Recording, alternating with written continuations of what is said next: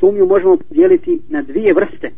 Prije svega sumnja u Allaha subhanahu wa ta'ala, naudu billah.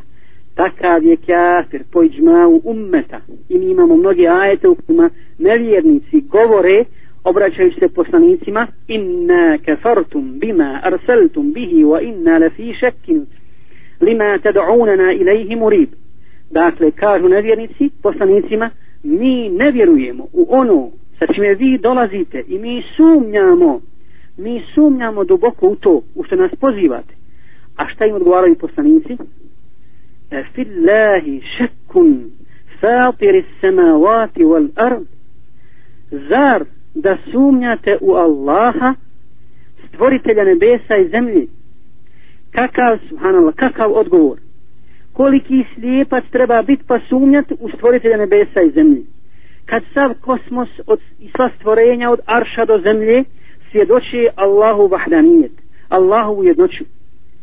Beduin najobičniji beduin kada su ga pitali za dokaz postanja Allaha subhanahu wa ta'ala šta je rekao?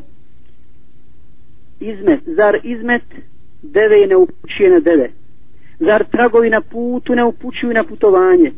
Nebesa sa zježima ispunjena i zemlja sa svojim sa svojim ruhom i more sa svojim valovima zar ne upućuju na stvoritelja na uzvišenog stvoritelja a zatim dolazi sumnja u poslanike to je svojstvo munafika koji kažu da je poslanik odnosno su poslanici ljudi da griješe i potrefe a Allah za poslanika kaže وَمَا يَمْتِكُ عَنِ الْهَوَا إِنْ هُوَ إِلَّا وَحْيٌ يُوحَا on ne govori po hiru svome to je objava koja mu se obznanjuje i na kraju sumnja u menheđ mi znamo da, da mnogi filozofi odnosno oni koji sumnjaju sumnjaju u menheđ islama u poslanički menheđ govore za islam danas da je važio u to vrijeme u periodu poslanika sallallahu alaihi sallam a da u 21. stoljeću islam odnosno Kur'an i sunnet nemaju šta poniti čovječanstvo sačuva nas Allah od tih stvari